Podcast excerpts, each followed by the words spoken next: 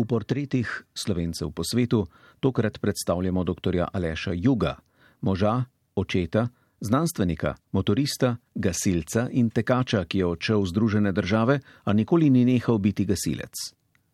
To poletje je s sinom prevozil 11 tisoč km z motorjem, poleti obiskal Slovenijo in se pred nekaj dnevi vrnil v Združene države, točneje v Boston, kjer živi in dela kako je prišel v Združene države Amerike, zakaj ima to državo rad in zakaj se kljub vsemu želi vrniti v Slovenijo, boste izvedeli v oddaji Slovencem po svetu Portreti.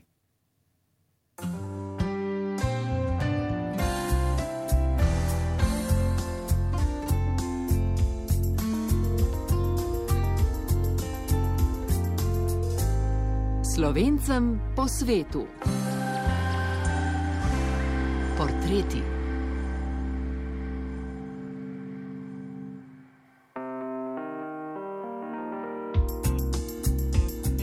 Dober večer, Slovenija, kjerkoli že si. V portretih slovencev po svetu vam tokrat predstavljamo dr. Aleša Juga, moža, očeta, znanstvenika, motorista, gasilca in tekača, ki je odšel v Združene države Amerike, a nikoli ni nehal biti gasilec.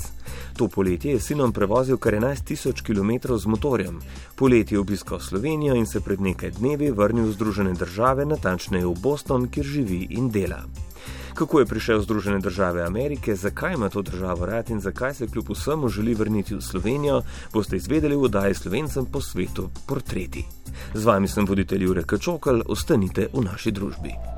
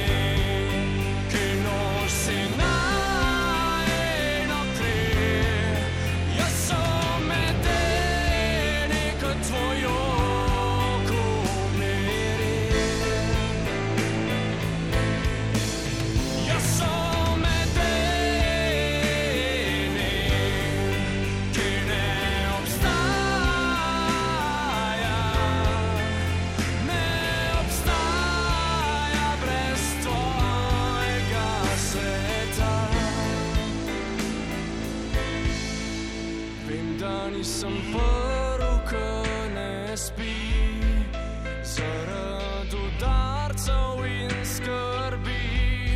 In ne bom ta zadnji, ko se enkrat ne zbudi. Drugim sem kazal svoj nasmeh, drugi so videli sonce na chance, man.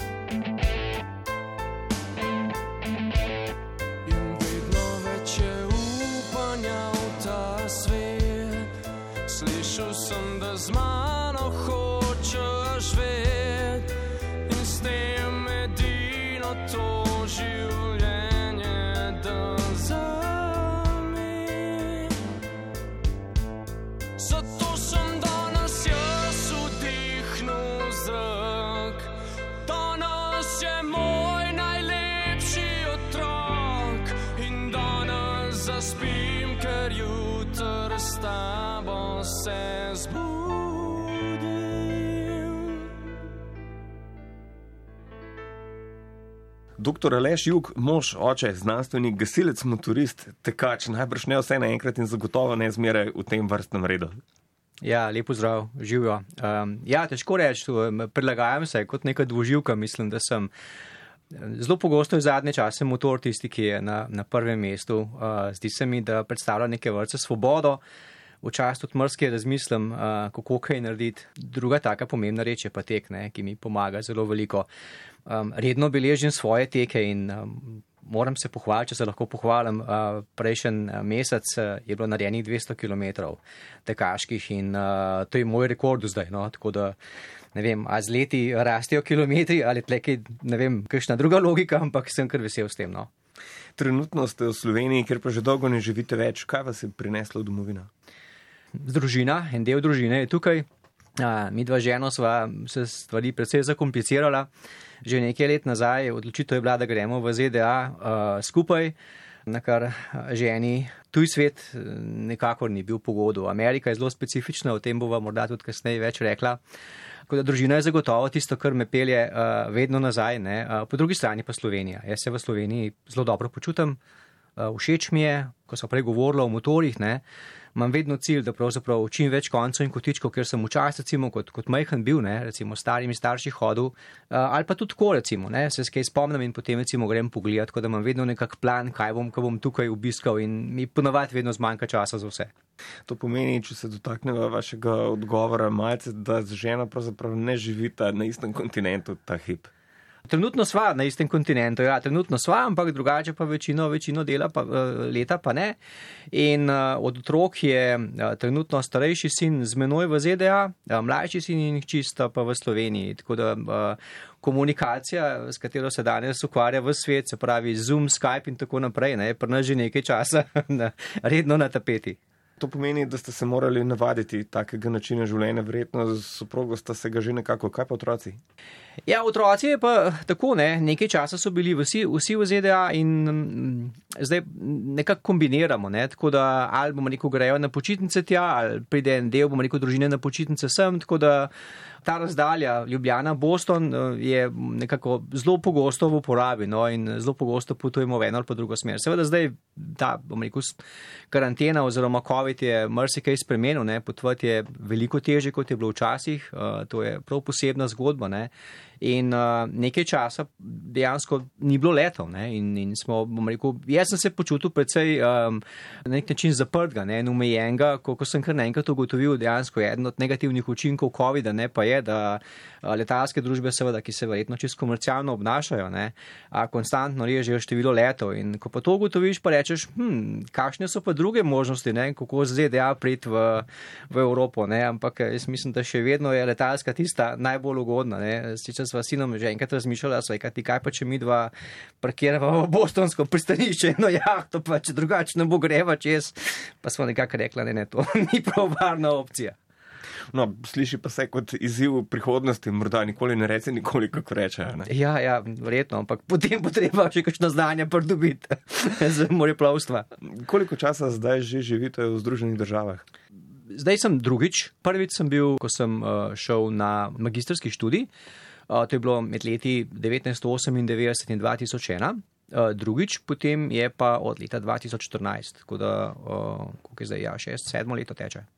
Kako to, da ste se odločili za selitev ravno v Združene države, z vašim znanjem bi verjetno lahko izbirali življenje kjerkoli? Ne? Ja, področje, s katerim se ukvarjam, um, jaz bom rekel, dominanten del moje, moje stroke ali pa raziskovalnega dela je požarna varnost, tudi procesna varnost. In sploh tisti magistrski študij, na katerega sem šel v začetku, moja prva pot v ZDA je bil vezan na področje požarne varnosti. Tista leta je bilo zelo malo držav ali pa univerz po svetu, kjer si lahko pridobil magistrski in tudi kasneje recimo doktorski študij z področja požarne varnosti.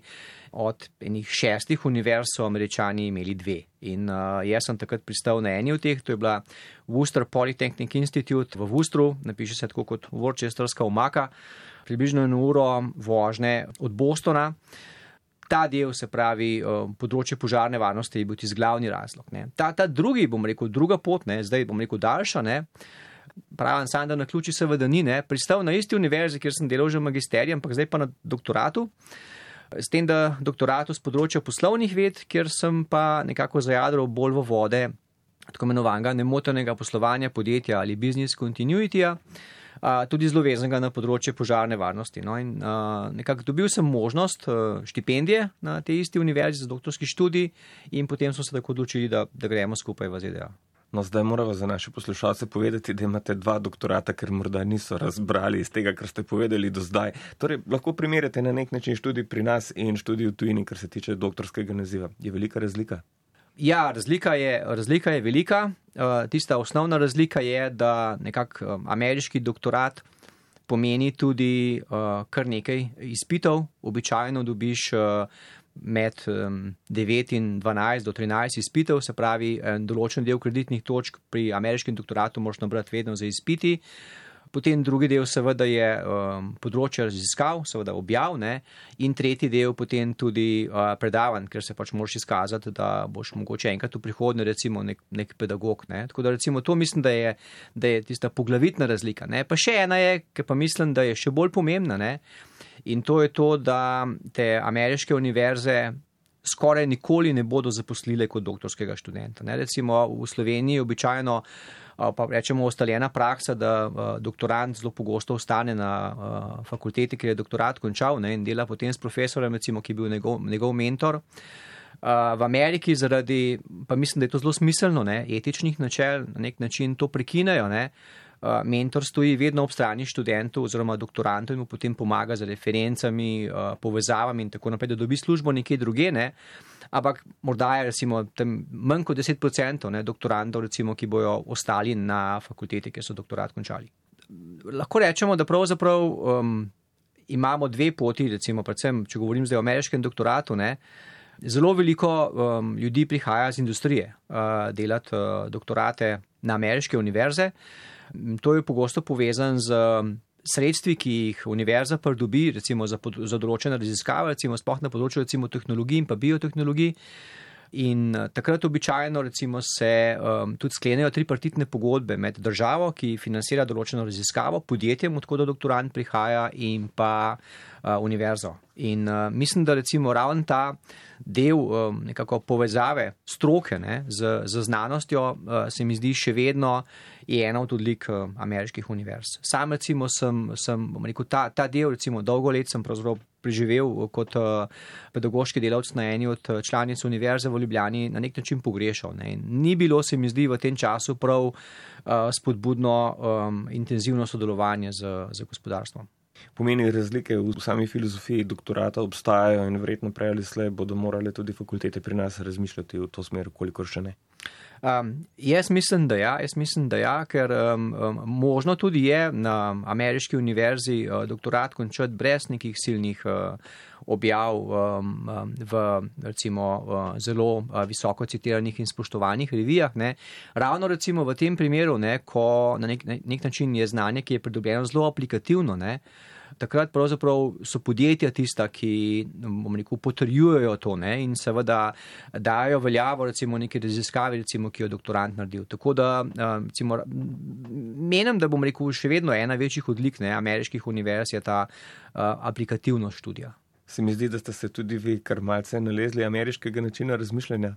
Uh, ja, sem se. Jaz, že ko sem bil tukaj, sem zelo veliko povezal s podjetji. Uh, danes na nek način vidim, da je ta povezava še močnejša.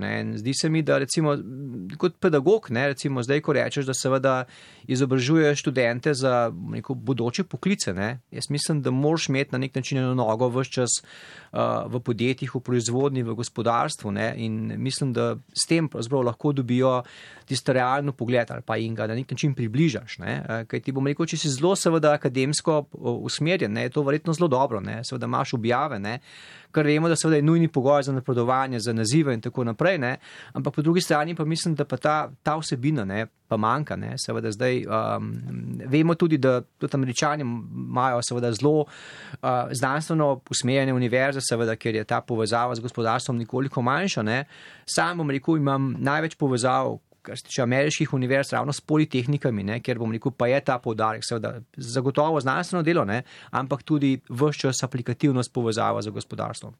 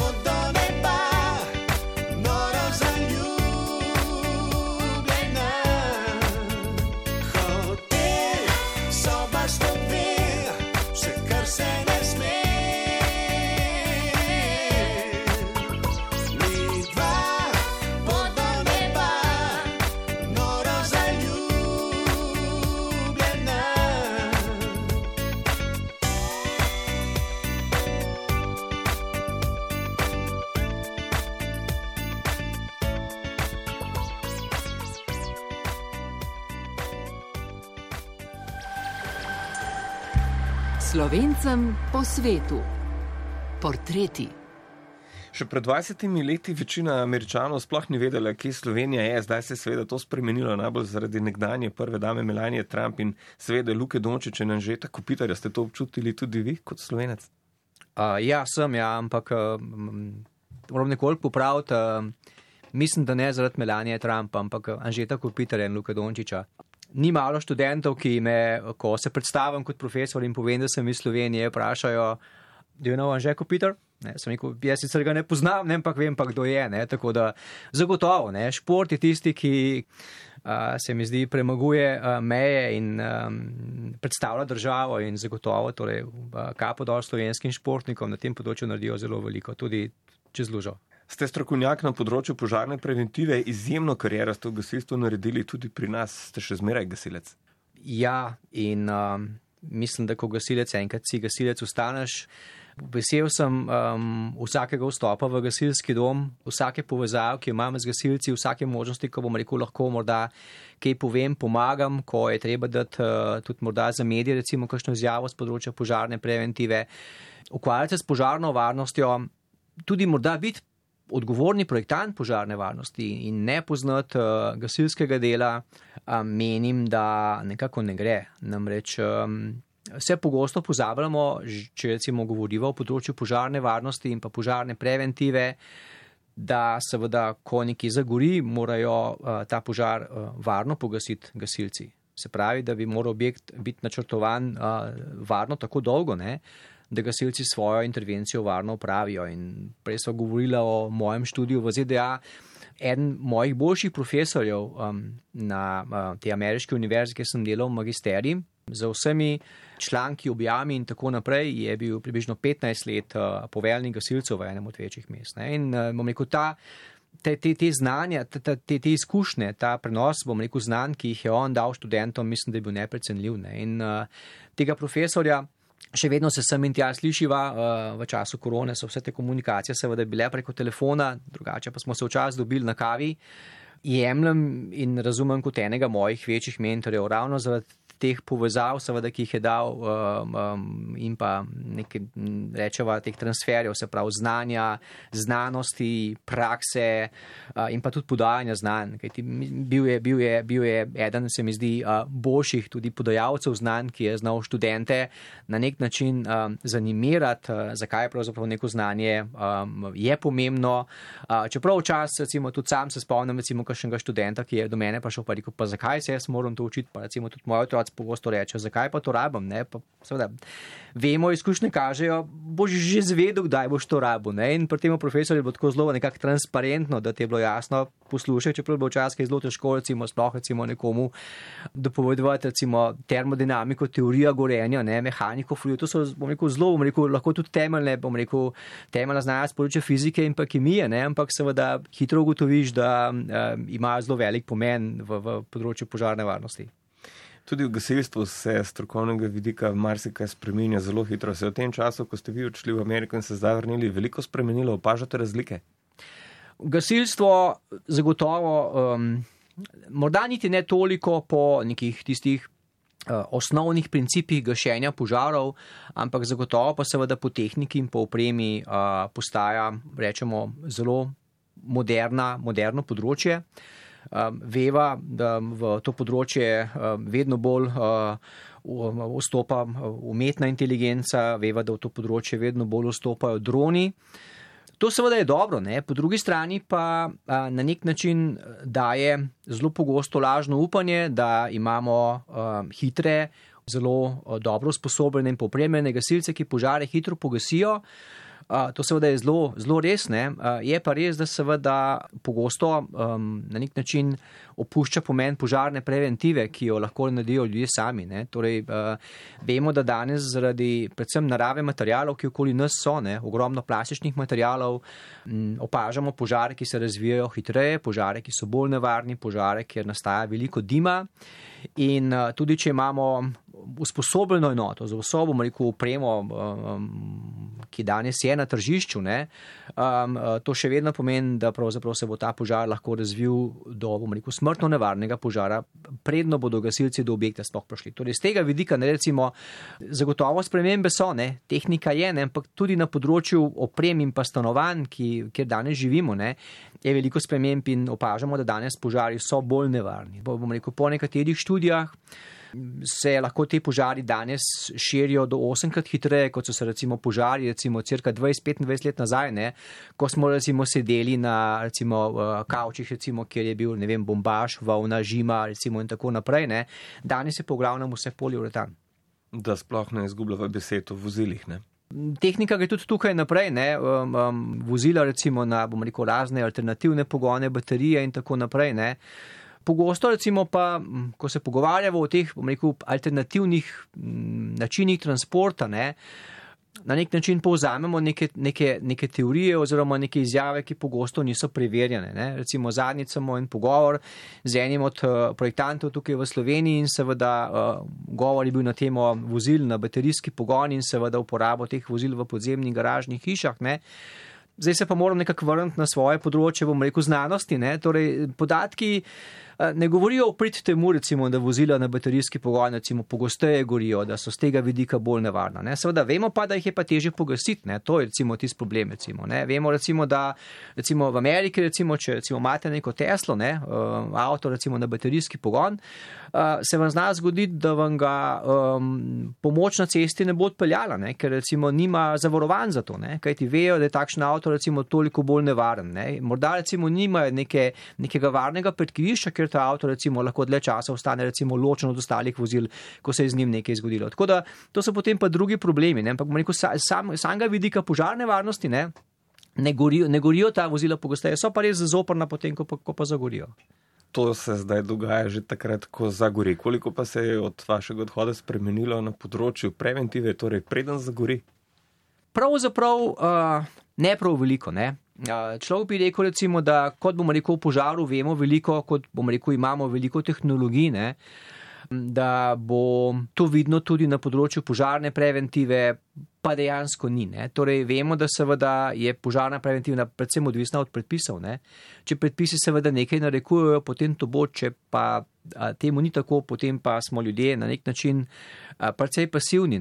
Mrsikaj radi kupimo, ne. nek, nek javljalnik ali pa nek gasilnik pa ponavadi ne. ne. Danes je še vedno zelo malo držav, ki imajo uzakonjeno, da moraš recimo v eh, individualnem stanovanju ali pa v neki stanovanjski hiši imeti nameščen uh, dimni javljalnik. Recimo Slovenija ni med temi. Ne? Pa gre za strošek, recimo, ki je recimo ranga recimo, vem, 20-25 evrov po javljalniku. Ne? Pa tak javljalnik pravzaprav um, je, če deluje tako, kot delovati mora, ne pa bi deloval, recimo rečemo, da se prodajo na trgu recimo standardno preizkušeni javljalniki. Ne? Edin medij, ki nas seveda o požaru uh, obvesti, ne, pravočasno. Ne. Tako da, um, recimo, ZDA te, te, te zahteve imajo ne, in um, javljalniki so v ZDA za približno 30% recimo zmanjšali število smrtnih žrtev.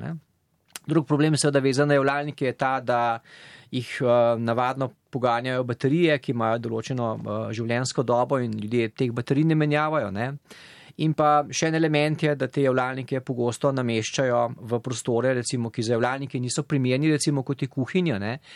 Um, recimo, sploh navaden dimni javljalnik in tam ponovadi, ko pečeš palačinke, gre ta javljalnik v stanje požarnega alarma, potem pa rečejo, se zadeva je koliko brez veze, da imajo vam pa ga izklopijo. Ne? Veliko predavate, veliko je bilo sprememb na tem področju ravno zaradi epidemije koronavirusa. Kako ste to občutili in kako so to občutili vaši študenti? Uh, moram reči, da študenti tega nasplošno ne marajo. Ne?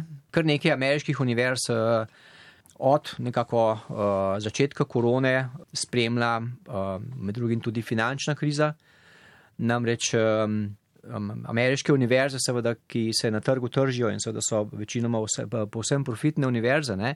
čeprav imajo uradni naziv, da so neprofitne univerze. Uh, imajo približno tretjino prihodka od eh, nastanitev študentov v študentskih domovih, um, študentskih knjigarn in pa študentske prehrane. Ne. In recimo zdaj, zaradi seveda tega, ko so se vsi ucelili oziroma so šli nazaj domov, ne, ta pomemben uh, prihodek seveda univerza manjka in pravzaprav univerze. Uh, zasebne narave bolj ali manj po tekočem traku zapirajo vrata v ZDA, ne, ker niso uh, več um, torej finančno zmožne prenas, prenašati teh, teh uh, izgub stroškov. Sam torej um, sem zelo virtualen predavatelj, bom rekel, hočem reči, da pa ta beseda mogoče ni čista prava, ne, da uh, um, se uh, po predavalnici sprehajam okoli, da krilem z rokami in da sploh recimo ko predavam področje požarne varnosti, ponavadi tudi prenesem, recimo, ali bom rekel, javljalnik, uh, sprinkler, imam recimo zelo tudi goste, recimo, ne. Ta, bom rekel, element mi zelo manjka, ko moram predavati, tako da recimo, kot smo mi dva zdaj v studiu, ne, z nekim mikrofonom, računalnikom in tako naprej, ne ta povratna informacija študentov in uh, je, pa, je pa druga taka stvar, ki mi zelo manjka. Torej, da, splošno pravilo, uh, ki smo ga mogli vsi v Ameriki upoštevati, je ta, da od študenta ne smeš zahtevati, da ima pražgano kamero. Ne? Ko seveda enkrat to pravilo je bilo uveljavljeno, nikoli nisi vedel, kaj se na drugi strani dogaja. Ne? In seveda, ko si predaval, predaval, ne recimo, in se tudi zastavil vprašanje, pogosto na drugi strani je bila tišina. Uh, in to, to, to, to je zelo moteče za, za, za pedagoga. In, uh, tega se še nisem navadil, pa ne vem, če se kdaj bom. Ne? Kot je videti, ne, um, um, ravno včeraj sem bral torej, zadnje informacije um, um, o koronastanju v ZDA ne bo nič bolje tudi v naslednjem študijskem letu. Ne. Um, delta uh, varianta COVID-a uh, se širi zelo pospešeno v ZDA in uh, Bidenova administracija mislim, da bo v nekaj naslednjih dneh odredila torej nove pogoje in te pogoje bodo verjetno spet v smer zapiranja države. Nekateri ukrepi pa zna biti, da bodo ostali tudi potem, ko te epidemije ne bo več, ker so se izkazali za dobre, ste sami naleteli na katere izmed teh ukrepov, ki pa so vam bili všeč? Zagotovo, ne, zagotovo. Uh, mislim, kar nekaj študentov pa smo recimo imeli že prej, ne, uh, ki so bili bodi si mednarodni študenti, recimo, ki so zaradi zdravstvenih razlogov recimo morali ostajati doma, ne. Uh, in te so se, ali pa se ne, v teh načinih dela veliko lažje vključijo v, v, na neka predavanja. Ne. Recimo, meni recimo je tudi izredno všeč to, ne, uh, da bomo rekel, so sestanki uh, običajno krajši, kar vsi uporabljamo zum ne? in vse te bomo rekel sodobne naprave. Torej, komunikacija mislim, da teče na nek način uh, hitreje, drugače, ne? ampak mislim, da pa tudi bolj stresno.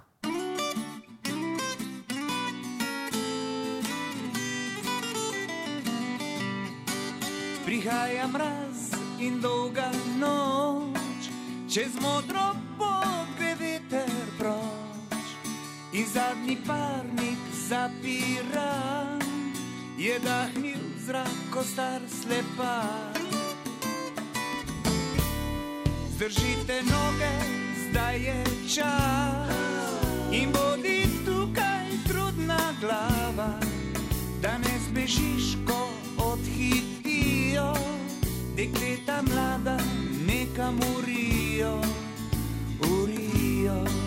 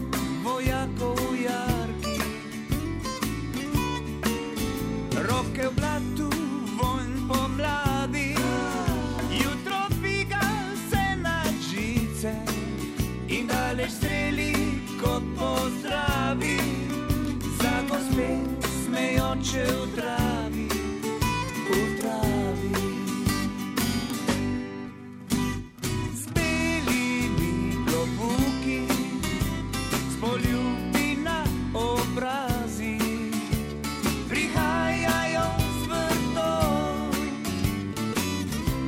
kot tečne prikazni na slikah spoznaj.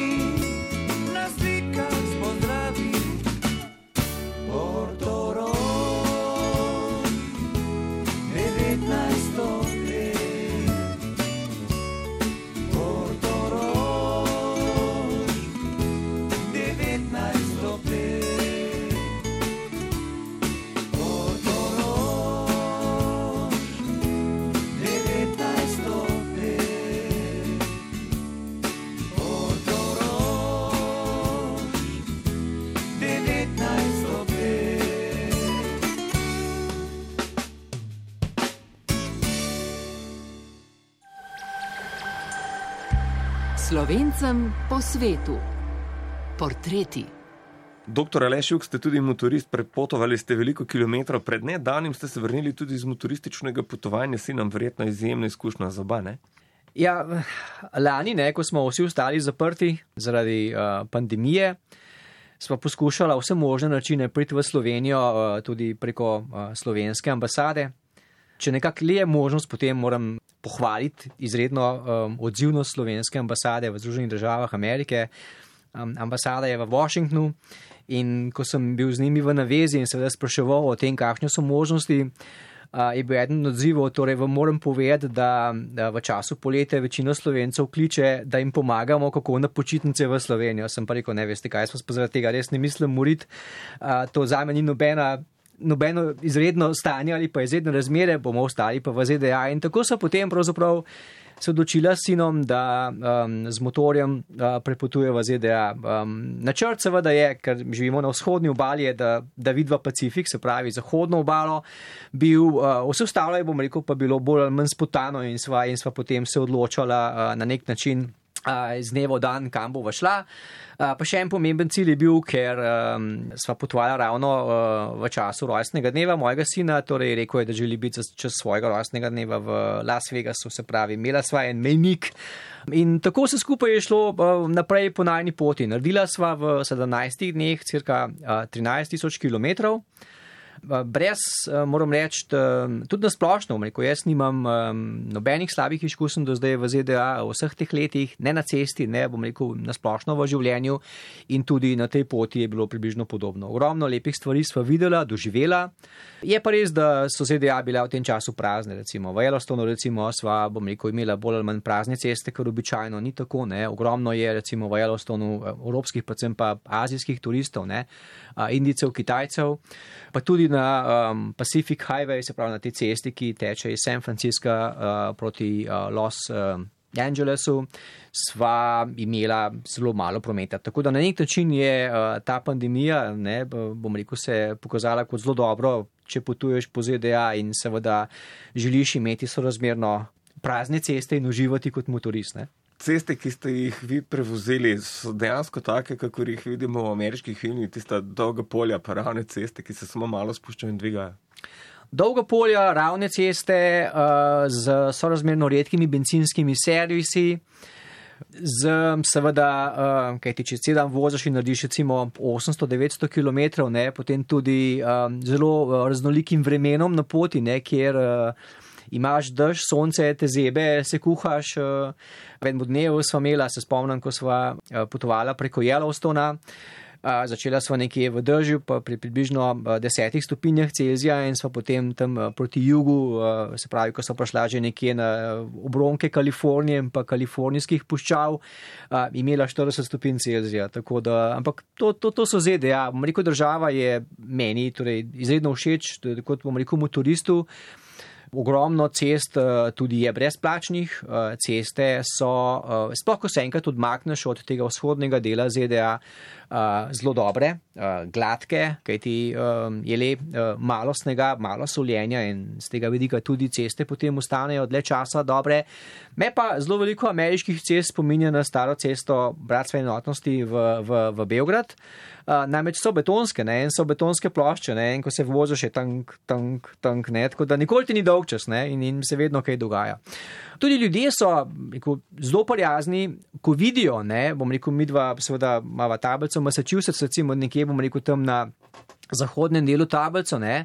Um, se zelo pogosto ustavijo, ne, te govorijo ne, in se jim zdi to na nek način, ne, tudi za američane, ne, uh, nek sanski način življenja. Ne. Zelo zanimivo recimo, je, ko se tako z američani pogovarjaš ne, in rekel, to vidijo ne, kot na nek način en poseben tak rekel, dosežek v življenju, sami se, ga, se pa tega zelo težko lotijo. Ne. Recimo, zelo veliko ljudi se pogovarjam in rečejo, ko bom pa v penziji, bom pa kupil avto dom in potem prepotoval v Ameriko. Ne.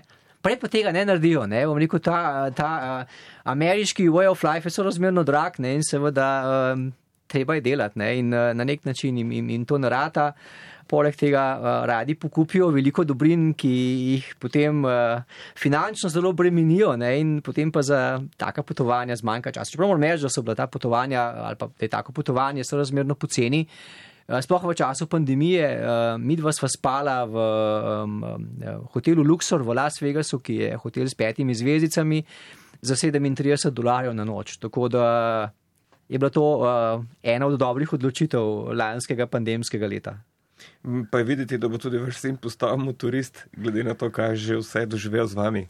Uh, ja, seveda, prva stvar, ki smo jo morali, ko smo v Slovenijo prišli, je seveda bil uh, uh, majhen moped, uh, ki gre 25 km na uro in to je zdaj zanj uh, pomemben del uh, svobode, uh, ki si jo je 16 leti priboril. Tisti, ki vam sledijo na družbenih omrežjih oziroma vas poznajo, hitro opazijo, da ste tudi tekač, tudi sami ste prej to omenili. Navada, ki ste jo prinesli od doma ali se je rodila v Združenih državah? Navada, ki sem jo prinesel od doma in je zdaj z menoj že dobrih 30 let. Uh, začela se je um, s prvim psom, ki smo, ga, ki smo ga imeli doma, ki ga nikakor nismo mogli uh, niti ne utruditi, uh, rekel, niti ne uh, se mi zdi ustrezno sprehoditi, tako da sem začel takrat teči. In ta tek je potem postal del mojega življenja, tudi preko nekaj uh, maratonov, ampak danes ne tečem na maratonih, ampak tečem čisto za svojo dušo. Sem pa izredno vesel uh, kot starš uh, tudi, da je tudi starejši sin postal tekač. Tako da eni lepših tekov danes, ki jih imam, recimo so te, da recimo, se mi pridružim in recimo skupaj tečeva recimo na 10-12 km tudi po Ljubljani in uh, moram reči, da še vedno recimo, uživam uh, med teki po, po Ljubljani. Pa je tek v Sloveniji ima enak status, kar se rekreativnega športa tiče, kot ga ima v Združenih državah. Tam je okoli tega se mi zdi nastal kar tak mali kult. Ne? Uh, je nastal mali kult s tem, da je zelo odvisno, recimo, kje v ZDA uh, si. Recimo, um, ZDA imajo, se mi zdi, tako, če pogledaš recimo z tega športnega udejstovanja, dve področji. Uh, prvo je vzhodna in zahodna obala kjer seveda je veliko uh, športnikov, um, tudi vidiš ogromno kolesarjev, recimo sploh Kalifornija, recimo, pa tudi recimo vzhodna obala, uh, dočim ta, bom rekel, sredinski del, ne, je pa uh, seveda, kar se tega tiče, zelo, zelo pasiven. To, to se recimo zelo pogosto vidi, recimo tudi po ljudeh. Veliko jih ima, recimo, prekomerno težo v, v tem delu ZDA. A, tako da, če recimo zdaj nadiva neko primerjavo, recimo Slovenije, ne, a, bi rekel, da smo, bom rekel, zelo podobni temu vzhodnemu ali pa zahodnemu delu in jaz sem zelo vesel, ko vidim a, zelo veliko ljudi, ki, ki a, tečejo, kolesarijo po Sloveniji. Je pa to zagotovo čisto drugače, recimo, kot je bilo vem, 30 let nazaj. Ne. Veliko več tekačev danes kot takrat. Skratka, če sem pravilno razbral, tak sečani ne tečejo ravno veliko. Ne? Uh, ne, ne, se pa vozijo, se pa vozijo. In pravzaprav, pravzaprav v Teksasu, uh, si ravno omenil Teksas, um, um, če v kakšnem hotelu, recimo, si ti hoteli zelo pogosto bodo nekje ob cestah, nimaš dejansko kje teč. Ne? In ko sva z uh, sinom Mažbetom potovala z motorjem po ZDA, um, eden od mojih ciljev je bil uh, tudi, da uh, vsak dan vsaj nekaj kilometrov pretečem. Ne? je kar nekaj ni bilo, ko pravzaprav samo zelo velik problem, kako tečne, kaj ti okoli mene so švigali tisti njihovi veliki pikapi, um, ogromni tovrnjaki in um, sem navadno hitro odnehal, kaj ti nisem se prav varenga počutil. Iz vsega, kar ste mi do zdaj povedali, lahko razberem, da vam ni žal, kljub vsem zaprekam zaradi te selitve v Združene države. Ne, ni mi žal. Uh, pogosto me kdo vpraša, ali bi naredil to še enkrat. Zdaj, uh, mi seveda imamo uh, tudi ta uh, delovna dovoljenja in tako naprej v ZDA, je pa do teh stvari dokaj težko priti. In um, veliko preprek pravzaprav je. Mislim, da bi šel še enkrat v to, ampak je pa treba to povedati, da vsak, ki bi se recimo tako pot seveda šel, ne. More na nek način zelo dobro pridobiti informacije, uh, kako je z rekel, bivanjem v neki državi, kako je s pridobivanjem informacij. Uh, poleg tega, ne, seveda se časi, se mi zdi, nekoliko spreminjajo. Ne, in uh, če pogledamo, recimo ZDA, ne, ob vsem tem, te, vseh teh problemih, seveda uh, rasizma, napadov in tako naprej. Ne, Moš pravzaprav, bom rekel, zelo resno in dobro razmisliti, v kaj se seveda podajaš. Um, spomnim se recimo kolegice, ki je doktorat končala na univerzi, uh, kjer sem ga jaz, ne, uh, je, je Kitajka ne, in seveda potem je dobila prvo delovno mesto na eni univerzi v, v Louisiani. Ne, seveda vse skupaj je dobro slišati, ne, ampak um, to so deli ZDA, seveda, ki so zelo specifični, kjer seveda vsakdo, seveda, ki uh, ni, bom rekel, takšen kot je večinska populacija, ne, seveda zelo izstopa in um, opaske, uh, zmerjanja uh, so lahko del, bom rekel, vsak dan. Ne.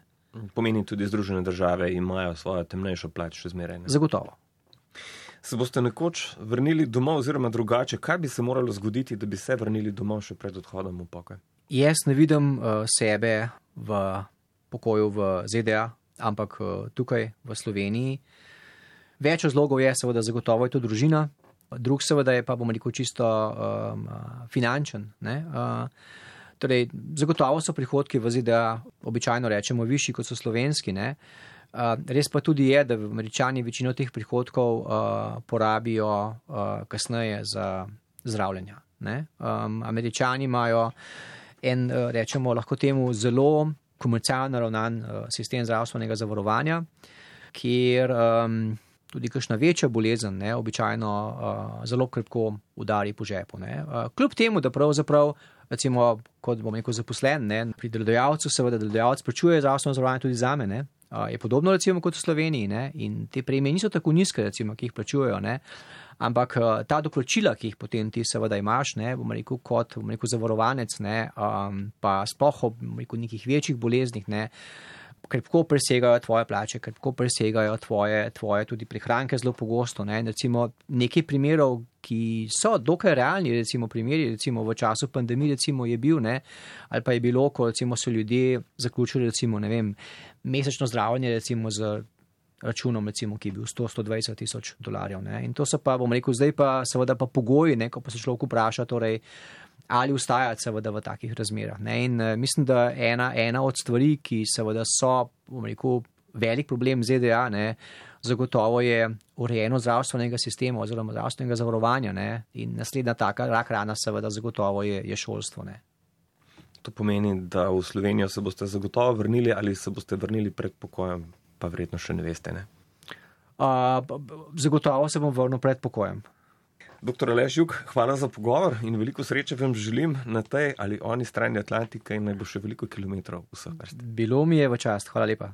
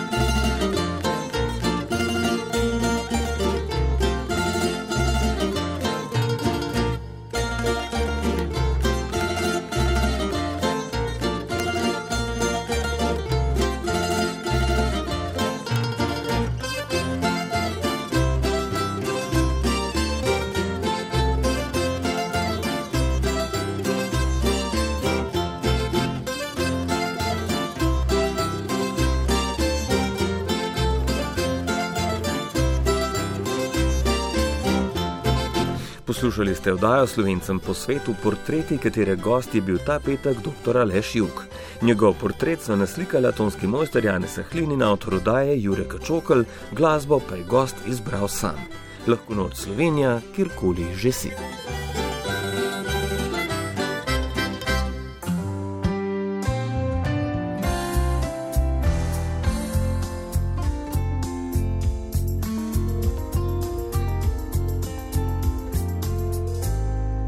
Slovencem po svetu. Portreti.